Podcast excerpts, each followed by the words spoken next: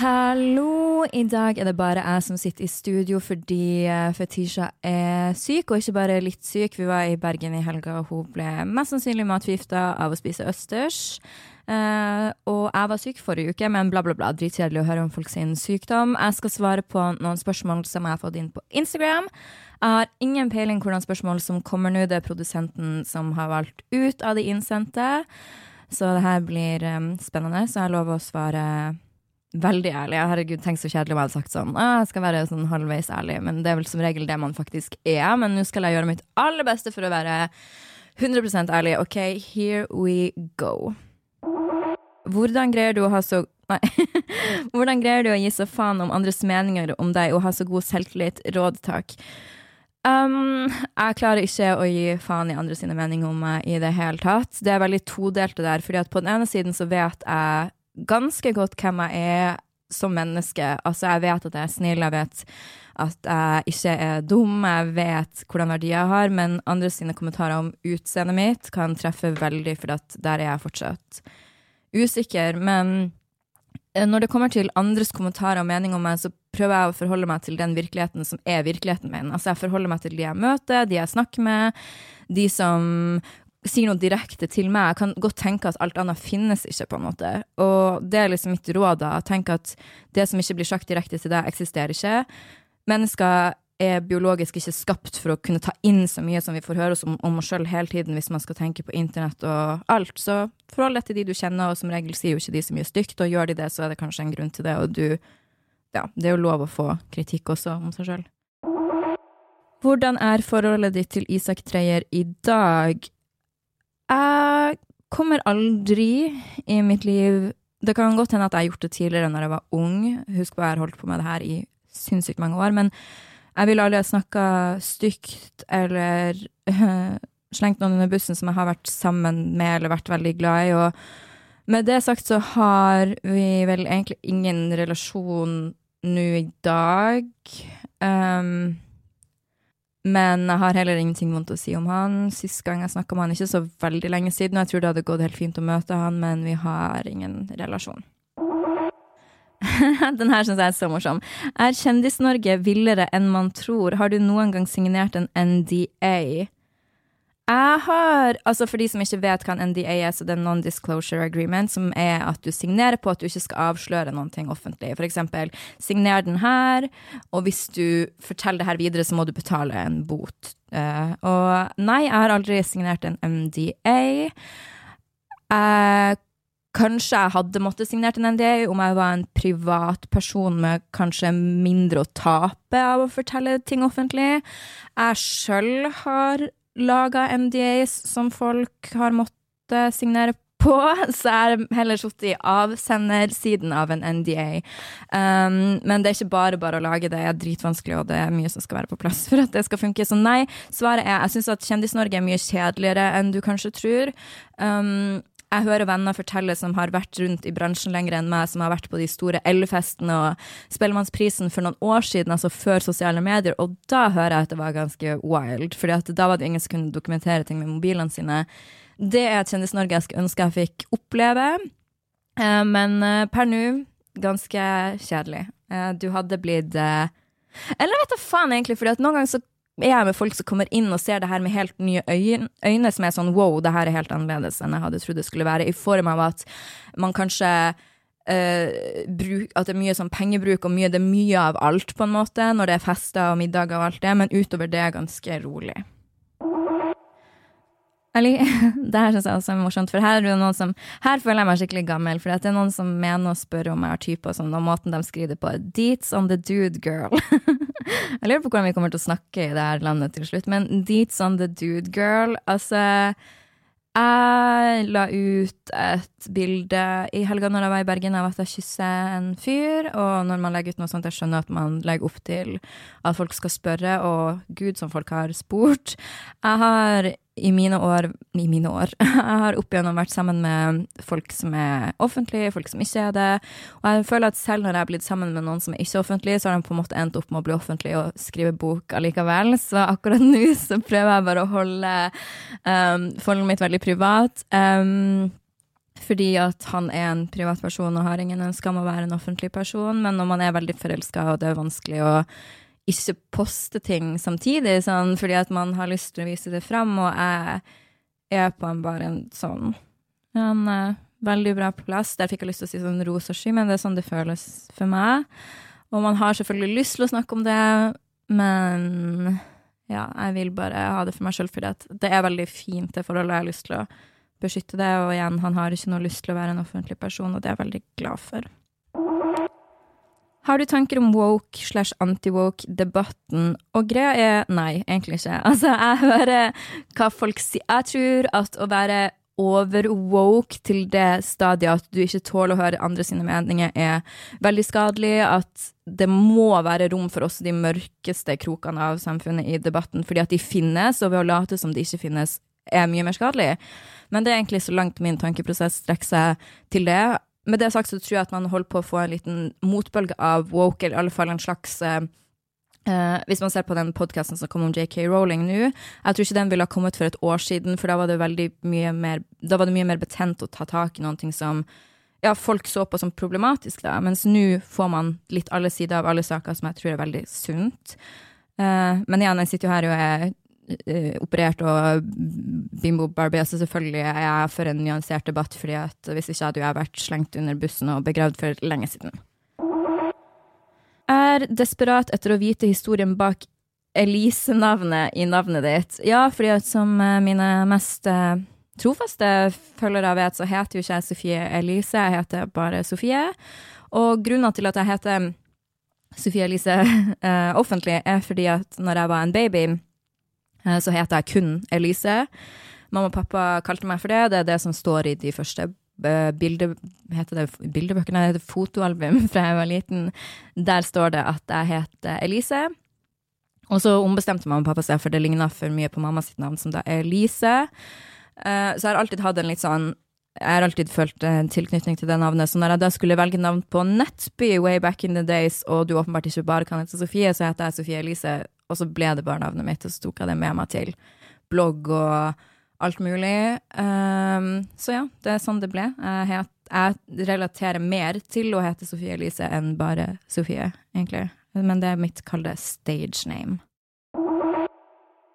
Hva synes du om AI, altså kunstig intelligens. Det hadde vært litt gøy om jeg skulle sitte her og melde ting sånn som Elon Musk gjør, f.eks. og si sånn Jeg tror det er en mye større trussel for menneskeheten enn atomvåpen, for jeg har jo ingen belegg for å egentlig mene eller si noe sånt, men det er det jeg hører han sier, og da stoler jeg på det. Um, jeg har jo tipsa før om podkasten P3 Dystopia, de har en utrolig bra um, episode om artificial intelligence, og jeg føler at det man ser nå med deepfakes skummelt, og det traff meg skikkelig når jeg så et intervju av det var Kanye West, og da sier han et eller annet litt sånn gøy og litt sånn ute, sånn som han pleier å si. Og i kommentarfeltet så var det sykt mange som spekulerte i om det var artificial intelligence eller ikke.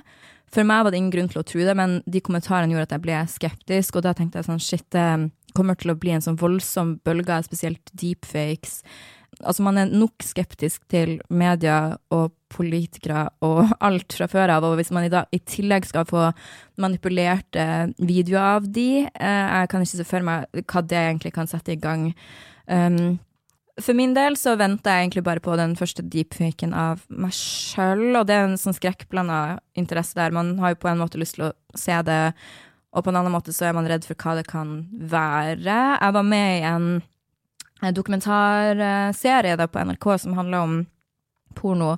Og da var jeg med i episoden om deepfake, der de hadde laga en deepfake av meg i en pornofilm. Um, og den så veldig ekte ut, og da lærte jeg hvor enkelt det er å bestille sånne type ting. Og bare måten jeg åpenbart Jeg visste jo at det ikke var meg, men man kan også se det fordi jeg har tatoveringer. Men om man klarer å liksom få det såpass ekte at det er mine tatoveringer, min kropp, i tillegg til mitt ansikt og min stemme.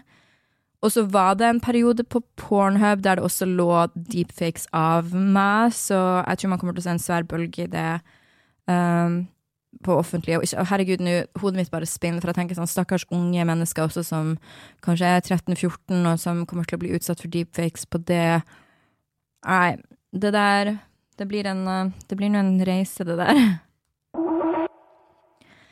Tips til å få et bedre forhold til kroppen sin. Altså, du at Jeg tror at man kommer til å være sur for at jeg i det hele tatt sitter og svarer på sånne typer spørsmål, fordi jeg ikke er det man kaller men igjen, hva er et godt forbilde på den, på den fronten? Jeg har jo hatt min reise med å være usikker og sikker og usikker og usikker. Når det kommer til hvordan jeg ser på kroppen min i dag, så føler jeg at jeg har faktisk, tro det eller ei, et ganske sånn avslappa forhold til kroppen min, i form av at jeg aldri går rundt og tenker negative ting om den. Jeg er mer sånn OK, får jeg noen gang en negativ tanke, så enten så dealer jeg med det, eller så dealer med det i form av at jeg gjør noe med det problemet, kall det det, eller at jeg I don't know, jeg bare jeg ser aldri meg selv i speilet og tenker stygge ting uansett om jeg, hvordan jeg ser ut, men hvordan jeg har kommet dit, det er et veldig kjedelig svar. Det har bare skjedd med alderen. Og noen kommer sikkert til å si ja, men du har operert, men tenk det er mange år siden jeg har fiksa på noe med kroppen min. Så det, og til og med etter jeg gjorde det, så var det jo ting jeg hata med kroppen min. Men så etter hvert som jeg har blitt eldre, så har jeg bare Nei, jeg ser ingen grunn til å hate den, og jeg tror at det er en sånn ting som ofte kommer med alderen også. Det kjedelige svaret er jo at du får et bedre forhold til kroppen din som regel om du tar vare på den, altså at du trener noen ting du syns er gøy, og at du spiser sunt, og det handler ikke om at kroppen endrer seg, men du bare får et annet mindset av det. Um, og så et, et annet kjedelig svar, Sel selvtillit er veldig sexy, så ja, fake it till you make it, kanskje. Hva var ditt førsteinntrykk av Fetisha? Uh, det var faktisk skikkelig dårlig. Jeg møtte Fetisha uh, via en eks jeg hadde, og jeg opplevde henne som Første gang jeg møtte henne, så var det meg og en venninne og Fetisha, og de to jentene, min venninne og Fetisha, kjente hverandre før, men jeg opplevde Fetisha som lukka og sur og bitchy, og hun opplevde meg som akkurat det samme, vet jeg. Så vi satt liksom på hver sin side av en sofa, bare klarte ikke å interagere i det hele tatt. Og, men det løsna veldig den andre gangen vi møttes, men førsteinntrykket var dritdårlig, og det vet jeg at hun også har av meg. Fingrer du ofte? Det Altså, jeg foretrekker ord. Fingre det høres så sykt sånn groteskt ut, fordi at da ser jeg for meg at fingrene er oppi og inni der, og det er noe jeg aldri, det gjør jeg oppriktig aldri. Men hvis du tenker sånn onanerer jeg ofte. Det går sinnssykt i perioder, og akkurat nå er svaret på det nei. Det gjør jeg ikke. Men i perioder ja, i perioder nei. Men jeg tror det er sunt å gjøre det mye, så for all del, kjør på. Hva er din mest kontroversielle mening? Og det kan jeg ikke si, for da hadde jeg nok blitt kansellert. Jeg klarer ikke å komme på hva den er nå, men det er noen ganger jeg har sagt ting som jeg tenker at Eller vent litt, nå skal jeg prøve å tenke litt. Nei, jeg kan ikke, jeg kan ikke si det, for da blir jeg Som alle blir, hvis man skal si sin mest kontroversielle mening, så blir man nok kansellert. Men jeg vil gjerne utfordre dere til Det er veldig gøy på vors eller middager og sånn å utfordre de rundt bordet til å si sin mest upopulære mening, eh, og få en diskusjon rundt det. Det er veldig gøy, for folk mener helt sjuke ting, og som regel er man ofte veldig enig, det, eller uenig, men det er en veldig gøy sånn conversation starter. Føler du deg ferdig med operasjoner, eller har du sett for deg noen i fremtiden? Det er ikke sånn at jeg har en liste og tenker at det her skal jeg gjøre da, det her skal jeg gjøre da. Jeg føler meg ferdig per nå, men jeg tenker at jeg kommer nok definitivt, det skal jeg være ærlig å si, til å operere igjen. Jeg tenker at når jeg er 40 eller 50, eller hvis puppene mine henger ned til uh, gulvet altså Jeg har jo silikon, og de blir sikkert drittunge, og den rumpa mi Gud faen vet hva som kommer til å skje med den, men jeg håper at det finnes noen løsning på det på en eller annen måte. Så svaret er absolutt ja, det kommer jeg til å gjøre, men jeg kommer aldri til å dokumentere det ever igjen. Det er det også mange år siden jeg har gjort. Um, fordi at jeg syns at det er litt sånn både provoserende innhold, det er ikke noen grunn til å dele det privat, men jeg syns også det er litt tacky, så har du ikke dårlig samvittighet for hva du utsetter den yngre generasjonen for? Hadde jeg hatt, kall det den yngre generasjonen som følgergruppe, så hadde jeg posta annen type innhold eller snakka også annerledes her i poden. Jeg retter meg mot de som jeg vet i hovedsak hører på, og de som lytter, og de er voksne mennesker og er i stand til å også ta imot den informasjonen jeg gir. Um, hadde jeg hatt et yngre publikum, så tror jeg ikke jeg hadde syntes det hadde vært gøy å holde på med det jeg gjør, bare fordi at jeg vet at det er ikke inspirerende for dem på kall det riktig måte å se meg når jeg er sexy, for eksempel. Noen ganger er jeg sexy bare for å være det for at jeg sjøl syns det er gøy, men jeg vet at det også for meg kan være ganske sånn empowering å se på. Det tror jeg det kan være for en 25-åring også, eller en 20-åring, eller en 18-åring, men ikke en 13-åring. Det tror jeg kan kunne være triggende. Um, så det er vanskelig for meg det her er jeg vet at det ikke heter det, men i mitt hode har jeg lyst til å kalle det her stråmannteorien, men det er ikke det det heter. Men det er når du lager et argument basert på noe som ikke er virkelig. Sånn at man sier til meg har du ikke dårlig samvittighet for alle de yngre følgerne dine, for da skal du bygge opp at jeg er et dårlig forbilde, når realiteten er at jeg har ikke yngre følgere, så du bygger et argument på noe som ikke stemmer, da. Og derfor er det vanskelig for meg å svare på det spørsmålet fordi det ikke er realiteten, sant. Når jeg hadde yngre følgere, var jeg sjøl 16 år, og jeg har ikke dårlig samvittighet for det en 16 år gammel person sendte ut der. Du kan ikke klandre deg sjøl for å ikke gjøre bedre når du legit ikke visste bedre og var et barn sjøl. Eh, så det er mitt svar på det. Hva er ditt forhold til religion fra soon to be religionslærer? Altså, jeg personlig er ikke religiøs i det hele tatt. Jeg er jo på den siden av skalaen at jeg heller tror på at vi lever i en sivilisasjon og håper for alt i verden at det bare er sort når vi dør, for at jeg orker virkelig ikke noen ting mer. Eller eventuelt vil jeg gjerne leve dette livet på nytt igjen, for det syns jeg er veldig bra. Um, når det kommer til religion, så Derimot så syns jeg det er veldig fint med religion på mange måter. Jeg syns det er veldig interessant å høre fra de som er religiøse. Uh, Mitt problem med det er hvis folk låser seg veldig i at det her er det jeg mener, jeg kan ikke mene noe annet, for det er min religion, at det syns jeg er en kjip mennesketype, punktum. Det har ingenting å si om du er religiøs eller ei, men at man er veldig lost i sitt syn og ikke kan vike fra det, og der blir du kanskje litt hvis du er veldig religiøs, at det er jo regler rundt det. Um, jeg ser ikke på religion som religion betyr krig i det hele tatt, eller religion betyr konflikt. Jeg tror at man kan uh, fint leve sammen i et samfunn med forskjellige religioner, men jeg personlig er ikke religiøs og syns at uh, det ikke passer inn i min, min, måte å være på. Hvor ser du deg selv om fem år? Nei, jeg håper jo at jeg lever da. Det er liksom mest det jeg tenker alltid. Jeg tror jeg har veldig sånn pessimistisk syn på det der, at det først og fremst jeg håper jeg er i live. For man vet jo aldri, som du vet på ekte aldri når du skal dø, og jeg håper ikke at det her blir en sånn selvoppfyllende profeti for meg at jeg sitter og sier det, og så skjer det. Om fem år så er jeg Herregud, da er jeg 33. Jeg håper at jeg har eh, Jeg håper, hvis jeg skal sende ut en manifestasjon, at jeg fortsatt bor i Oslo, på samme område som jeg bor nå, men i en finere leilighet. Er det mulig? Lurer man kanskje på. Jeg tror jeg håper. Jeg håper det. Jeg er veldig fornøyd, men det kan sikkert bli bedre. Jeg håper at jeg er kanskje forlova eller gift. og Jeg håper at jeg har ett barn. Hvordan tror du berømmelsen har påvirket deg positivt og negativt? Jeg hadde vært et veldig mye kjipere menneske om jeg ikke hadde blitt berømt. Helt ærlig, fordi det var noe jeg ønska så sterkt, og det er jo kjipt når en drøm ikke går i oppfyllelse, og at du føler at du kanskje har blitt snytt uh, Heter det snytt før? Eh, enn det som var meninga for deg, da. Så det, jeg tenker at det å få berømmelse eller det å få penger, det gjør deg til bare mer av det du er uansett, og jeg, jeg liker å tro at du har gjort meg til en forsterka versjon av de positive utgavene mine, for at jeg er så takknemlig for at eh, drømmene mine gikk i oppfyllelse, da. Negativt så har jeg blitt um, kanskje mer Altså, man blir jo diva på noen ting, hvis jeg skal være helt ærlig. Jeg er ganske sånn uh, hvis jeg bruker penger på noe, eller hvis noen jobber for meg, eller hvis det er noe som jeg bruker penger på, for jeg, har, jeg har ikke hatt penger fra start, jeg jobber for alt jeg har, så hvis jeg bruker penger på noe, eller jeg ansetter noen, så forventer jeg at ting skal skje, og det skal skje fort, og det skal bli gjort ordentlig, og hvis det ikke blir det, så er jeg streng. Så det har fått frem en strengere side av meg som jeg ikke hadde før. Um, ja, men også kanskje at jeg blir litt mer Vet da faen, det er så vanskelig å si. Altså, man tror jo sjøl at man er verdens beste menneske, sant? så det er vanskelig å sitte her og si masse negative ting om meg sjøl.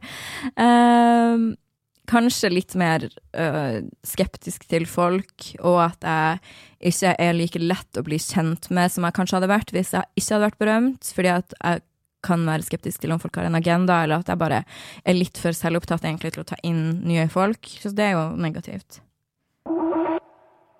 Fem produkter eller gadgets du ikke kan leve uten, og jeg regner med vi sier leve uten med en liten viss form for ironi her, for eh, sånn sett man kan jo leve uten alt, men uh, jeg hadde klikka om jeg ikke hadde hatt bilen min, sånn jeg, jeg, hater å gå, jeg er så sykt avhengig av å ha den for å komme meg fremover, og jeg blir så sur når jeg tar bolt og alt. Da, der har du en ting som har skjedd, at jeg er veldig sur på folk som um, uh, Jeg har blitt en diva med det at jeg liker å kjøre rundt sjøl, jeg liker å være på plasser når jeg skal være det. Jeg takler ikke å sitte i en bolt der boltsjåføren snakker høyt i telefonen på høyttaler og kjefter på meg som er lillesøstera hans når jeg betaler han for en tjeneste. Anyways, side note, jeg klarer meg ikke uten bilen min.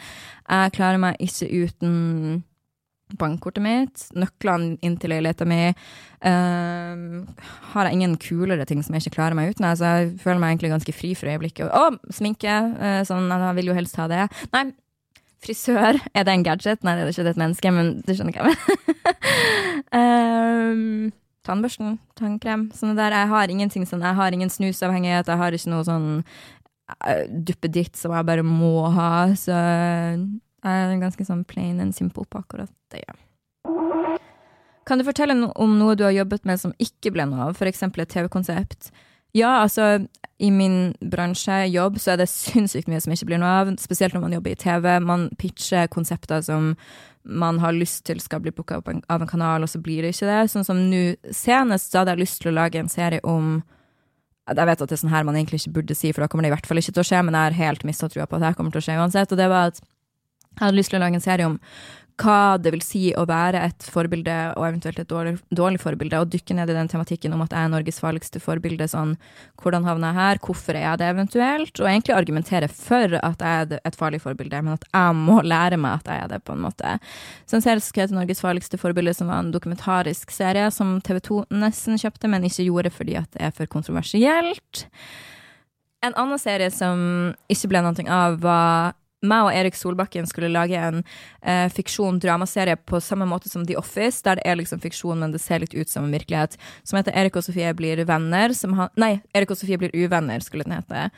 Og det var vi to som laga en podkast, sånn som Jan Thomas og Einar. Og serien starter liksom Nei, jeg vil ikke spoile det heller, faen, men det kommer jo aldri til å bli noe av, så jeg kan jo bare si det, eller? Ja, OK, I guess. Det starter med at jeg sitter i fengsel for drapsforsøk på Erik Solbakken, og så skjønner man ikke hvordan det har skjedd. Og så er Erik Solbakken sånn ihjeloperert og ser ikke ut. Og så handler det om at vi liksom fikk Norges største podkast, men det gikk så jævlig til helvete. Og så spoler man fem år tilbake i tid, og så skal man liksom Eller hva det nå var, ett år eller noe, så skal man følge den reisen. Og det var superbra. TV 2 ville igjen ikke ha den. En annen kanal ville ha den, men fordi at Erik var låst i kontrakt på nettopp TV 2, så ble det heller ikke noe av. Det var noen ting vi brukte lang tid på. Lagde manus, spilte inn pilot, jeg måtte skuespille, jeg måtte sminke seg, jeg måtte alt mulig, og det ble heller ikke noe av. Så ja, det er bare én av mange, og jeg føler at det er dumt at det har blitt så stigmatisert at et nei er et enormt nederlag, sånn selvfølgelig det suger, men jeg tenker at i min å være en entreprenør, selvstendig næringsdrivende, det er så bølgedaler i det. Du har noen år der du tjener mye, du har noen der du tjener lite, du har noen år det er masse prosjekter, andre ikke. Men nesten som at i influenseverdenen at det er sånn, hvis du har et dårligere år, så er det sånn å, taper, og så her mye tjener du i forhold til den og den og den, og hvis du ikke er nummer én, så, liksom, så har du ingenting på gang. Når man også i denne bransjen trenger noen år for å OK, hvor skal jeg, hva skal være mine langsiktige prosjekter, hvem skal jeg være som profil, og så ja Altså, jeg har ikke noe mot om jeg plutselig havner kjempelangt nede på den der hvem som tjener hva-lista, fordi jeg vet at jeg jobber med noe lenger fram. Men uh, det er bare sånn unikum i denne bransjen, for hvis man er sånn aksjespekulant, så er det helt vanlig at man går litt opp og, opp og ned uten at noen shamer det, men akkurat influenser så blir man jo shama uansett. Er du spirituell? På hvilken måte i så fall? Um, jeg har falt av at jeg leser masse bøker om min indre verden og en høyere bevissthet, i alle fall. Um, jeg er nok spirituell på den måten at jeg tenker at det, jeg tror på å manifestere. Jeg tror på at f.eks. månen, om den er hel eller halv, påvirker hvordan vi har det. Jeg tror på energier, og at du kan sende god energi, f.eks., men utover det er ikke så veldig Eller hva er å være spirituell i det hele tatt? Er det tanken om at det finnes noe mer mellom himmel og jord, eller For det tror jeg jo, dessverre. For jeg håper jo at det bare blir helt sort, men sjansen er vel liten for det. Men uh, ja, jeg er spirituell på en sånn nysgjerrig måte, kan jeg si. Jeg er jo åpen for mye, jeg er jo en nysgjerrig person, og sånn sett er jeg veldig spirituell. Hvordan klarer du å være så sterk etter alt som har skjedd? Altså, det er jo ikke til å stikke under en stol at det her har vært et utfordrende år, der jeg i øyeblikket har tenkt at nå kan det faktisk hende at jeg mister alt, og det har vært en wake-up call for meg på en sånn måte som jeg aldri har opplevd før. Uh, der det fine med det er jo at hva som faktisk betyr noe, og hvem som faktisk betyr noe, blir så utrolig klart for deg.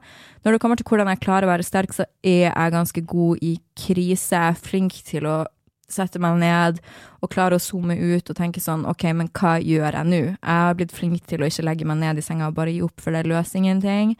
Jeg har blitt den, den som folk kan komme til med svære kriser fordi at jeg har stått i de sjøl. Men hvordan det har skjedd, er øvelse. Jeg har stått i mange stormer og har sett hva som funker og ikke, og da mener jeg ikke sånn å, funker hvordan man skal dytte offentligheten til sitt, eh, det man sjøl vil. Jeg tenker funker sånn som for meg psykisk, da. Og ja, det hjelper å ha en plan. Man kan ikke, når man står Når jeg har stått i de situasjonene som jeg har gjort i det siste året, så kan jeg ikke bare dra på fylla, sant. Det funker ikke. Du må holde deg helt edru og klar og sterk og snakke med riktige folk, sette i gang prosesser. Jeg er heldig som mange ressurser som gjør at jeg kan få hjelp til mye og rett og slett bare jobbe på. Og eh, for meg, um, den perioden jeg har vært i i år, så har den største kampen vært for meg å holde meg unna å ta angstmedisin, f.eks. Sanax og sånn, som jo var grunnen til at jeg havna på rehabilitering i fjor. Så for meg var det egentlig to parallelle løp. Det var å håndtere det som hadde skjedd, men også holde min Ja, holde meg på riktig sti. Um, så fordi at for meg, i den kriseperioden, så uh, fikk jeg jo ikke sove, sant, fordi at jeg måtte jo være våken til så sent for å jobbe og snakke, og så opp igjen sånn seks, halv seks på morgenen. Og fra sekundet jeg skrudde på telefonen, så var det bare fullt kjør, og hver eneste gang telefonen ringte, så var det sånn at jeg måtte trekke pusten og tenke hva kan komme nå? Og det trigger jo selvfølgelig alt som fikk meg til å havne i å være pilleavhengig i utgangspunktet, da, som var den at jeg ikke fikk sove, at det var mye press som jeg ikke visste hvordan jeg skulle håndtere. Og når du havner i nøyaktig den situasjonen, og egentlig ikke har lært deg noen verktøy for hvordan du skal håndtere det, så er det veldig vanskelig. Men jeg kan eh, stolt sitte her og si i dag at jeg er helt fortsatt uten pille, og at uh, selv om recovery er en uh, rocky road, så er jeg veldig stolt av hvordan jeg har håndtert det. Jeg føler at det er en ting som har, fra et personlig standpunkt, når jeg har sett dekk når jeg har sett nyhetene det siste året, som ikke når det bare handler om min sak, men masse forskjellig, Måten man snakker om rus og misbruk på, er fortsatt har fortsatt en veldig lang vei å gå, etter min personlige mening. For meg personlig så Ikke det at man skal behandle noen som har vært på rehabilitering som en sånn skjør gjenstand som Ikke i det hele tatt, men jeg tenker at det var ingen i den perioden som ever spurte meg sånn, eller tok et steg tilbake og var sånn OK, men hun har helt nylig vært på rehabilitering, sånn det var ingen som brydde seg om hvordan det gikk, på en måte. Det var mer sånn fokus på en skandale i det hele, og nå står jeg veldig stødig hvem jeg er, og hvor jeg er i min recovery, men uansett, det var ingen som i det hele tatt tenkte sånn uh, på mennesket med da. Men jeg tenker at generelt sett den stigmatiseringa sånn jeg, selv om jeg er for en friere Eh, dialog rundt rus, og at jeg vil at vi skal ha en rusreform, så er det ikke sånn at jeg heier på at man skal ta masse dop i det hele tatt, for at jeg har sett hvordan det kan gå, og mange, mange ganger. Men grunnen til at jeg er så forsiktig med å snakke om det, er fordi at jeg er ikke rett person til å sitte og snakke om de tingene, fordi at rus eh, eh, er så komplekst, sant? så når man etterlyser et svar fra meg, så er det sånn, det er ikke jeg eller andre influensere syns jeg, som skal ut og snakke om det her. Man kan si at man er forbilder og this and that, men det er en alvorlig sykdom, og det er ikke noe vi skal sitte og være avsendere av meninger på. Og selv ikke jeg, som har vært på rehabilitering. Og derfor, fordi jeg vet hvor alvorlig det er, og fordi jeg har vært rundt det så mye, og fordi jeg har så sterke følelser rundt det, sier ikke jeg noen ting, for jeg vet at det ikke hadde vært riktig avsender av det. da. Så der har dere min uttalelse på det hele. Tips til å ikke føle på FOMO, spesielt i helgene. Jeg har det stikk motsatte. Jeg er lykkelig hver gang jeg slipper å sånn, Hvis jeg ligger hjemme i sofaen og ser at andre er ute på ting, så tenker jeg sånn Yes. At det føles så mye deiligere å være hjemme. Og jeg tenker at Prøv å tenke at der du er hver gang, er den absolutt beste plassen å være. Der er jeg sinnssykt heldig. Det kommer til å høres ut som jeg er verdens beste selvtillit, det er ikke det som er tilfellet. Men jeg tenker oppriktig at der jeg er, er den beste plassen å være. Alltid. Og hvis du klarer å skru om mentaliteten din til det, så er sofaen din det beste stedet å være. Men det er annerledes for meg fordi at jeg ofte har en invitasjon et sted, og at valget er å være hjemme. Men hvis du ikke har valget, og du føler at du er hjemme mot din vilje når du egentlig skulle vært et annet sted, så skjønner jeg at det er annerledes. Og da er mitt eneste tips er at enten så prøver du å komme deg på denne festen, får du nei, det suger selvfølgelig, men da har du prøvd, eller så skrur du av telefonen og later som det ikke finnes. Det er liksom ikke så mye mer å gjøre. ok, det her er så morsomt. For den skrev på en så cute måte.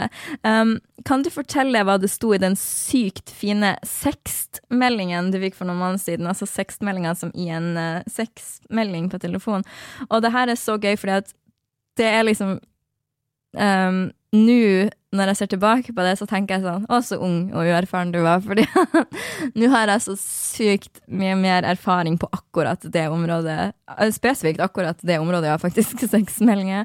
Um, æsj, herregud, nå var jeg altfor personlig, men whatever. Men det som var i akkurat den meldinga der, husker jeg faktisk ikke, ikke egentlig, men jeg kan si at det er sånn generelt en bra ting hvis man har Herregud, jeg prøver skikkelig å ikke være for personlig, men om du skal sende en seksuell melding til noen, så syns jeg det er bra å legge opp til at det blir interaksjon fram og tilbake, da. Sånn at du eksempel kan si i morgen så skal jeg sende deg bilder av en plass jeg har lyst til å ligge med deg på, og skal fortelle hva jeg har lyst til å gjøre med deg, og så vil jeg at du skal gjøre det samme med meg dagen etterpå, eksempel. Det er en veldig sånn gøy måte å interagere på det, da, istedenfor å bare si jeg vil ligge med deg.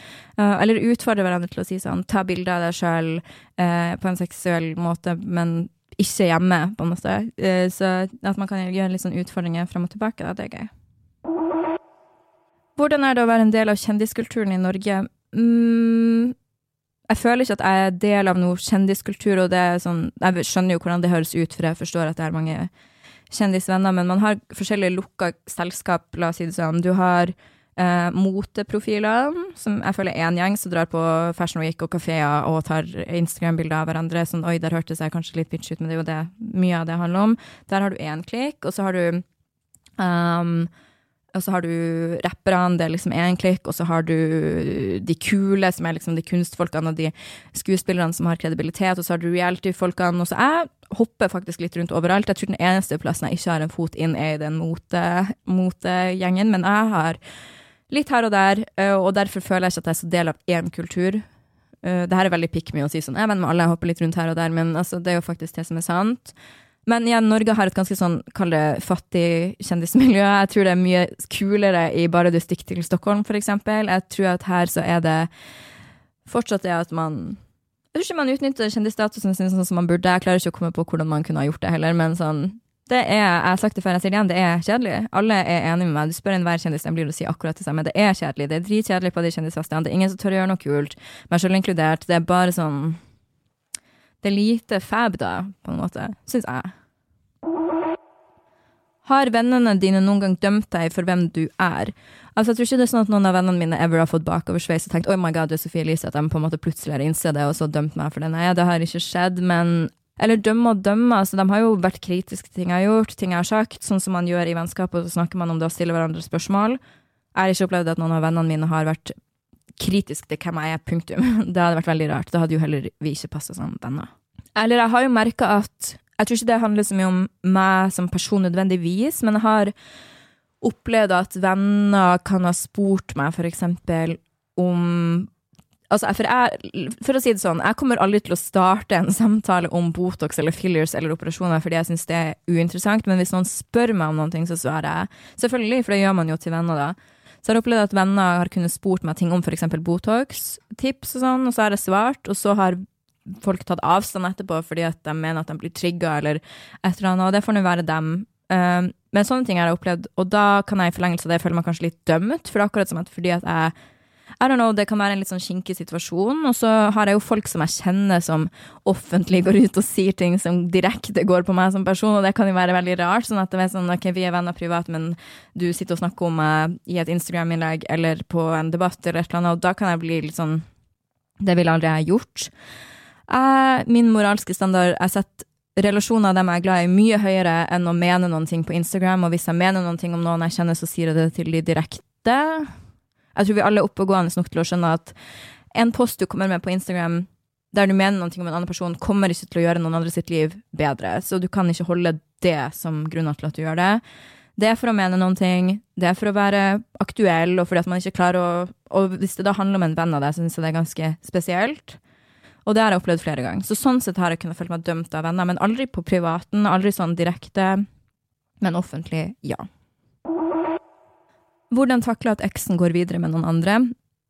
Og det er helt sykt, faktisk, for det er ingen av mine ekser som har fått nye kjærester. altså, faktisk. Jeg skal ikke le, men det er, sånn, det er ingen som har vært ute og hatt et offentlig forhold som jeg kommer på nå. Men det hadde heller ikke plaga meg i det Eller sånn, selvfølgelig ekser fra liksom way, way back, men de siste, nei. Men uansett. Det hadde ikke plaga meg i det hele tatt meg personlig. Jeg er Først må jeg bare forklare hvordan jeg er, og hvorfor det kan være vanskelig for meg å svare på akkurat det spørsmålet jeg er ikke sjalu i det hele tatt. Jeg har ingen problemer med Og det her har jeg lært meg å bli. Jeg var dritsjalu før, men jeg har ingen problemer med historikken til den jeg er sammen med, eller hvis en eks går videre. For det har ingenting med meg å gjøre i det hele tatt. Og da jeg fikk høre at min eks, en av dem, ikke hadde fått en ny kjæreste, men data noen andre, så syns jeg oppriktig det var så bra på hans vegne, og jeg håpte bare at hun var en bra person. Og sånn sett så spør, blir jeg nysgjerrig og spør ok, men hvem er hun, hvordan er hun? Uh, jeg tror du kan gjøre deg selv mindre sjalu ved å nettopp unngå å stalke den personen. Altså ikke gå inn og se på masse bilder og innlegg og sånn. Bare hvis det plager deg, så lat som det ikke finnes. Jeg føler det er mitt råd på alt, lat som det ikke finnes, men herregud som det funker. Altså jeg ville ikke ha gravd meg selv inn i det hullet der. Så um, kanskje derfor er jeg sånn veldig flink til å komme over folk òg, for de bare finnes ikke for meg i det hele tatt. Hvorfor tar du den ene tingen Bergen har, akvariet? Og det er fordi at jeg var i Bergen denne helga her og var på akvarium, og der jeg har vært der da jeg var liten og jeg tenkte at det her kommer til å være en skikkelig fin opplevelse. Og jeg tåler at det kanskje ikke er en superopplevelse, for jeg skjønner jo at jeg går til dyr i fangenskap, og hvor bra kan det være? Jeg syns at det her var en veldig kjip opplevelse, og til og med han jeg var med, som ikke er en, kall det, uh, engasjert dyrevenn i det hele tatt, syns at det var ganske sånn kjipt. Uh, og med det så mener jeg sånn at altså, det er liten plass altså, for alle dyrene. Og skilpaddene, som er ganske svære, de hadde ingen plass å svømme på. Det var, sånn helt, det var helt sjukt. Um, og jeg driter i om det er den eneste tingen Bergen har, sånn helt ærlig. Sånn, skal man tenke om alt Bergen hadde var et, et, et, sånn mobbefestival, på en måte, og så skal man være sånn ja, men den eneste tingen Bergen har, er jo mobbinga, eller det eneste Bergen har, er jo at man er dritslem mot andre, så ikke ta det, liksom. Det er sånn, jo, selvfølgelig, hvis det her er det eneste Bergen har, og det er det ikke, by the way, Bergen har nydelig natur, de har den der hva heter det, Fløyen. De har, eh, de har, dritbra utliv, de har dritkule folk, de har så bra musikkultur. Det er så mye Bergen har som ikke er akvariet. Jeg tror ikke det er akvariet som får Bergen til å gå rundt. Og hvis det forsvinner, så kommer det til å gå helt fint. Det der er en sånn merkelig retorikk som blir brukt på veldig mye, spesielt når det handler om dyrevern. Um, hvis man har et problem med f.eks. hvordan kjøttindustrien er, så er man sånn ja ja, men det er jo det bøndene lever av. Så er det sånn ok, da er det på tide å gjøre noe med det, da. Og hvis akvariet er det eneste Bergen har, så burde de gjøre sin eneste attraksjon verdt å besøke hvis det er tilfellet, og det kan man gjøre ved å gi dyrene større plass. Nå skal de jo gjøre det, det skal være en renovering der. Riktignok skal de slutte å ha de store dyrene som jeg tolker som f.eks. sel. Og da lurer jeg på hva de skal gjøre med de. Skal de avlive de? Det er jo det de må gjøre. Uh, men uh, ja. Anyways, jeg har ingen skam i at jeg tok det opp. Hva mener du er meningen med livet? Um, jeg tror ikke det er noen større mening, fordi det hadde vært som å, å, si at alle mennesker er dritviktige og har en stor purpose her. Det tror jeg ikke, egentlig, uh, at vi har plass til. At alle har en stor mening. Men fra et rent biologisk eh, standpunkt så er vi jo en bakterie, på en måte, og vår mening er å reprodusere og få barn. Og med det så sier jeg ikke at du har ingen mening hvis du ikke får barn. Jeg tenker bare at fra et biologisk standpunkt så er det en grunn til at sex driver så mye, og det er jo for at man skal reprodusere. Um, så det er liksom poenget, da, hvis man skal se det fra et sånn overordna biologisk perspektiv, og utover det så tror jeg ikke den har så mye mening. Og det er en veldig befriende tanke, for hvis du tenker at det ikke er noe mening, så gjør det ting litt mindre farlig, og man kan ha det litt mindre gøy, og da finnes sin egen mening med livet, som handler om kun seg sjøl, og det er jo å ha det så bra som du kan ha det. Og hvis man tenker det at man skal dø en gang, så blir man mye mer fri. Jeg elsker den tanken. Jeg vet at det er ofte snakk om sånn, ok, men man skal dø en dag, og når jeg er gammel, og det sier jeg med det letteste sinnet, for det har gjort mitt liv så mye bedre. Så ja. Hvilke fordommer har du? Ok, jeg som alle andre har fordommer om om kulturer, om mennesker. Men heldigvis så er ikke de fordommene noen ting som kommer i veien for meg ever. Sånn jeg klarer å møte alle og være oppriktig nysgjerrig på alle, og det er en kvalitet jeg er veldig stolt av med meg sjøl. En fordom jeg fort kommer på, er for eksempel at de som Men det som er, jeg har ingen fordommer som er absolutt. Nå kunne jeg sagt sånn, hvis du stemmer Frp, så er du litt dummere enn hvis du stemmer noe annet, Venstre for eksempel. Men igjen, det er ikke en fordom jeg ville ha gått i grava med, liksom. Det kan godt være feil, men jeg kan ha sånne overfladiske fordommer som, som det, da. På hvilke områder er du og Fetisha forskjellige? Helt ærlig, nesten de fleste, egentlig. Sånn, vi begge er lave og ganske sånn uh, fri i måten vi snakker på, men hvordan vi virker og fremstår som person når du møter oss, er helt vidt forskjellig. Hun er vi er bare helt, vi er helt forskjellige, og det er sikkert derfor det funker, f.eks. med en podkast med oss. fordi at jeg har jo flere venner, og ingen av dem hadde det funka å ha en pod med annet enn hun. Man må ha den der push and pull, at man er forskjellig. Um, ja, men vi er helt, helt vidt forskjellige. Det hadde vært mye enklere å bare si hvordan vi er like, og det er med at vi er fri i måten vi snakker på. Det er liksom der vi er mest like.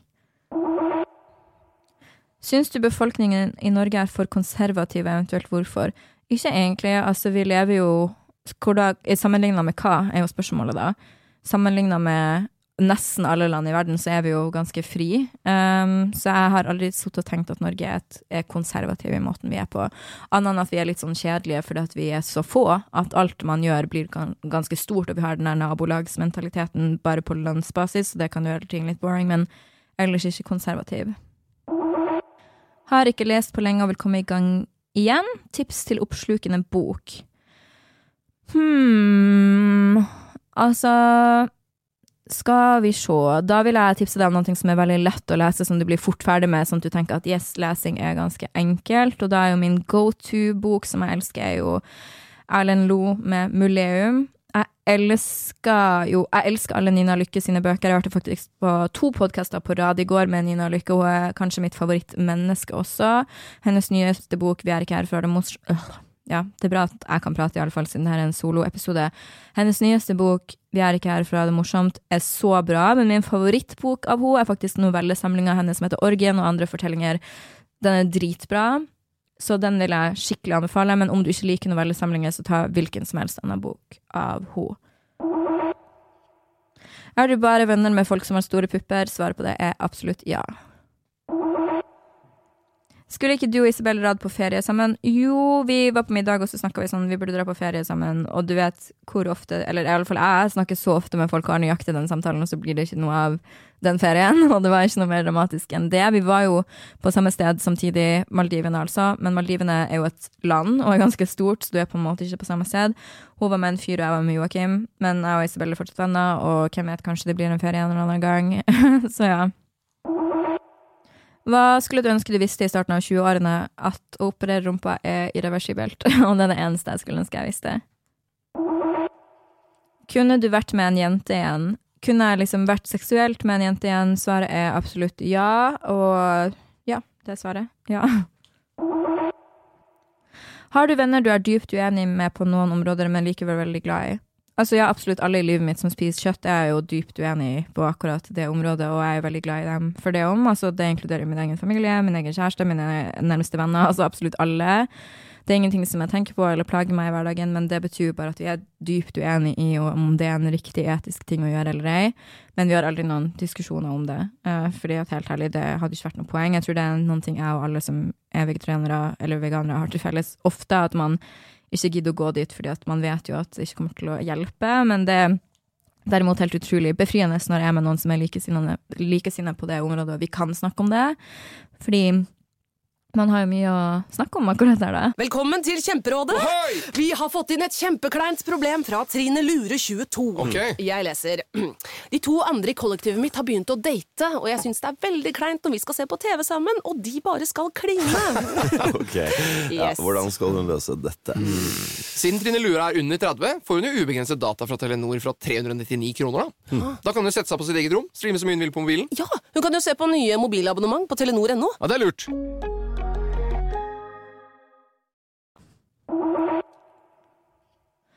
Hvordan er det å være deg i det siste? Det er faktisk veldig bra å være meg i det siste. Jeg, de siste månedene har vært vanskelig, men også veldig fine, fordi jeg har jo fått noen inn i livet mitt som betyr ekstremt mye for meg, og som er en veldig, veldig, veldig veldig fin person som gjør meg veldig Ja, sånn som nå når jeg nevnte det, så fikk jeg sånn Å, jeg fikk sånn god følelse, sånn som en fugl i magen, at det er bare sykt deilig. Og så har det også vært en prosess der jeg skjønner mer og mer hvem som er mine venner, og hvem som ikke er det, hvem jeg vil være.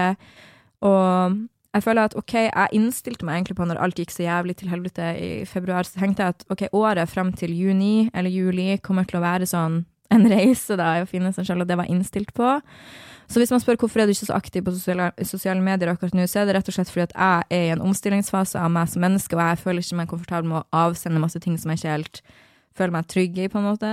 Um, men jeg tror at fra sånn juni-juli så kommer jeg til å ha landa mer i alt som har skjedd, og den er jeg da. Men uh, svaret på spørsmålet er at det har vært veldig veldig bra å være med i det siste. Jeg er superglad, og når man tar den skalaen jeg liker, hvordan har du det fra én til ti, så er jeg alltid på en ni eller ti.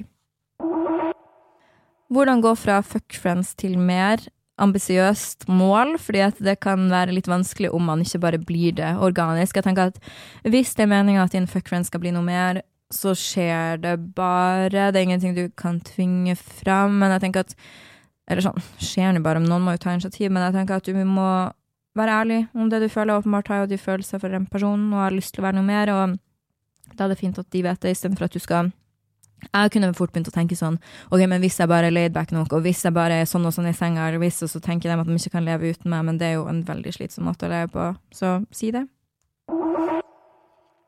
Leser du dine DMs, eller er det noen i managementet som gjør det? Jeg har ikke management. Eh, det er liksom en myte rundt meg alltid at jeg har et stort system. Jeg hadde management tidligere i år. De sa opp øh, for en og en halv måned siden, og ingenting dramatikk rundt det. Noen ganger så må man bare gjøre noe annerledes, og jeg er fortsatt på den kontrakten, men det er ingen som jobber for meg akkurat nå. Um, og jeg ville aldri ha latt noen andre være på Instagramen min, punktum. Eh, ever. Altså, jeg, for at ja, jeg får mange DMs fra folk jeg ikke kjenner, men jeg får også mye DMs fra folk jeg faktisk kjenner, så jeg vil aldri ha hatt noen andre snikende inne der, for det er jo private samtaler der òg. Så hver gang du får et svar fra min profil, Sofie Elise, så er det jeg som har sendt det svaret. Så jeg prioriterer det som jeg prioriterer mail og sånn. Hvor har det blitt av Henrik og Charlotte i livet ditt? Og det her er altså Henrik og Charlotte som var med i serien Sofie Elises verden på TV 2. De er begge to i livet mitt. Vi er venner alle sammen. Det har ikke blitt noe uvennskap der. Jeg tror at veldig mange Det virker som mange holder vennskap til en urealistisk standard, der man tenker at så mye som du henger intenst med noen når du er 23, skal du henge akkurat like mye med dem når du er 28, hvis ikke så er man uvenner. Sånn funker ikke mitt liv, i alle fall. Som for eksempel tar Charlotte som eksempel. Hun har en kjæreste hun er mye med, hun jobber som eiendomsmegler og er masse opptatt. Jeg har mine ting, sånn hvordan i all verden skulle man ha klart og helt ærlig henge så mye som man gjorde når man fikk betalt for å gjøre det, for at det var jobben din i en TV-serie, selv om man er venner. Men klart lager du tid til det når det er jobben din. Men sånn generelt så har jeg venner jeg møter to ganger i året, jeg ser fortsatt på sånne nære venner fordi vi er voksne, og jeg kan ikke ha en annen standard enn det, egentlig.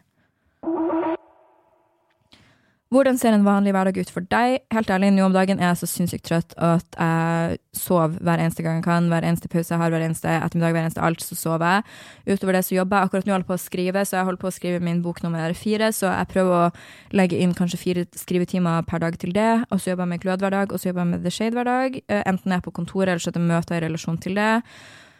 Har eh, i utviklingsfasen av en TV-serie, om den blir noe av igjen. Der ser man, man vet aldri, så det kan eh, bli noe av eller ikke bli noe av. Eh, om jeg er med han jeg er eh, sammen med, så han bor jo i en annen by, så jeg er mye der, og han er mye her, så det er litt sånn avhengig der hvordan hverdagen er. Uh, ja, jeg fokuserer mye på jobb, fokuserer mye på å sove, that's it. Og trene. Trene gjør jeg fire ganger i uka. Mm. Hvordan sjekker man opp en gutt på byen? Hva sier man? Um, hvis jeg skulle ha gjort det, så hadde jeg Jeg hadde bare gått bort Altså, det her burde man si, det her burde man egentlig spurt for Tisha men egentlig ikke i det hele tatt, for hun har den sånn drøyeste måten, og jeg tror det bare funker for henne, egentlig. Men sånn Jeg ville gått bort, sagt sånn OK, det jeg ville sagt, jeg ville sagt Har du kjæreste? det hadde vært det første, kanskje. Og så hvis han sier ja, så hadde jeg sagt synd, og hvis han sier nei, så hadde jeg sagt flaks. Og så tar man det fra der. Um, og så ville jeg kanskje ha sagt noe sånn som Jeg sto og lurte på hvordan jeg skulle sjekke deg opp, og jeg har egentlig ingen gode svar på det, så her er jeg bare Jeg ville Jeg, jeg prøvde å tenke på noe, men jeg klarte ikke. Det ville jeg sagt. Det er litt sånn søtt og corky, og jeg, hvis en gutt hadde sagt det til meg, så hadde jeg tenkt sånn Han hører på podkasten og fikk det her tipset fra meg, så han skulle definitivt være med. Har du noen gang operert for å opprettholde imaget ditt? Svaret på det er nei. Jeg, det har jeg aldri gjort. Når jeg har operert, så har det vært fordi at jeg har ønska det. Det har aldri handla om min offentlige persona i det hele tatt. Man kan jo godt si jo, du gjør det for at du poster bilder av deg sjøl, og det er en del av imaget ditt, men jeg føler at det er mange år siden det med å operere var en del av min historie, på en måte, eller mitt narrativ, da. Eh, det er noe som henger litt igjen eh, fra før, tidligere. Så svaret er nei. Er det noe som er off limits i livet som du ikke deler? Ja, veldig mye. Jeg prøver å dele minimalt om f.eks. For forholdet mitt. Um, jeg kan godt være sånn åpen om at man har et forhold, men at man, ingen vet noe om det, syns jeg er en veldig fin følelse. Uh, det kan kanskje virke som at vi sitter her og snakker mye om sex, og det betyr at man deler alt det seksuelle, men jeg gjør ikke det i det hele tatt. Jeg kan godt snakke om ting som har skjedd for lenge siden, eller Men jeg ville aldri vært sånn Sånn her er sexlivet mitt i nåtid, sant. Eller ting som har Ja, det er mye jeg ikke deler. Man må alltid ha i bakhodet at familien min hører jo ikke på den, men de kunne potensielt ha gjort. Så de tingene jeg sier her, må på en måte de kunne høre også, eller arbeidsgivere og sånn. Og jeg er sånn Jeg er ganske åpen med familien min og de jeg jobber med, men jeg forteller jo ikke alt, og der setter jeg strek. Nå kommer aller siste spørsmål. Håper ikke dere er lei av å høre på Eller jo, det håper jeg dere er lei av, for det her er jo siste spørsmål, så vi er ferdige nå. Uh, og spørsmålet er hva er det du angrer mest på å ha gjort og ikke gjort? Det har jeg sagt før. Jeg angrer mest på at jeg uh, bleka håret i ung alder fra mørkt lys, mørkt lys, mørkt lys, sånn at det har blitt så ødelagt. Og jeg angrer på f.eks. at jeg opererte rumpa, fordi at det er fint nå, men gudene vet hvordan det kommer til å ende opp. Uh, og nå er det sikkert noen som tenker sånn oi, hvorfor angrer du ikke så mye? Mye på at du var utro på TV, eksempel, og det du burde ha svart. Og det er sånn, selvfølgelig sånne der store ting som det angrer jeg mer på, men det har også dytta meg i en retning som har vært verdt noen ting. Ikke at det var verdt det i seg sjøl, men at det har gjort meg til et bedre menneske. Det har gjort alle involvert til bedre mennesker. Men når man ser på de overfladiske tingene som å bleke hår fram og tilbake, så har det kun skada meg sjøl og er dritirriterende hver eneste dag. Men sånne store ting som utroskap, eller at jeg havna på rehabilitering. Det er sånne ting jeg gjerne skulle vært foruten, men samtidig så vil jeg ikke sitte og si at jeg angrer på det fordi at jeg har gjort noe med meg som jeg er glad for den dag i dag. Jeg håper, hadde det skjedd igjen, så hadde jeg vært sånn OK, det der, nå er det helt idiotisk, bare, og da er det verdt å angre på, for det burde du ha lært noe av, og da hadde situasjonen vært noe helt annet. Men når man gjør det og føler at man vokser det, så er det noe så er det litt annerledes. Jeg klarer ikke å se på det på den måten, da. Og hva jeg angrer mest på å ikke ha gjort, um, så angrer jeg mest på at jeg ikke enda i voksen alder klarer å uttrykke til mamma og pappa på en ordentlig måte at jeg faktisk er glad i dem. Så jeg blir kjempeklein av å gi noen slags kjærlighetserklæring til foreldrene mine, og det angrer jeg på hver eneste dag, og det er fortsatt mulig å gjøre noe med det, og jeg bare gjør det ikke. Så det er noen ting jeg aktivt angrer på, og at jeg liksom Jeg har jo fortsatt besteforeldrene mine leve, og at jeg ikke har en tettere Jeg og mormor er superclose, men at jeg ikke er closere med farmor og farfar, eksempel, er noe jeg kan bare aktivt gå rundt og angre på uten å gjøre noe med det. Og så angrer jeg jo hver gang jeg ikke trener, på en måte. Når jeg egentlig hadde planlagt å gjøre det. Men uh, ja, det var egentlig det jeg kom på. Og så angrer jeg hver gang jeg er passiv-aggressiv.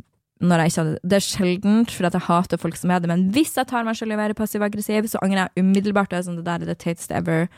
Ja, Men det var egentlig det jeg kom på. Så det var alt for denne gang. Vi satser på at um, Fetisha er frisk neste uke, og at jeg er frisk neste, neste uke, og at man klarer å møtes. Um, og det var det. Det var meg. Vi snakkes.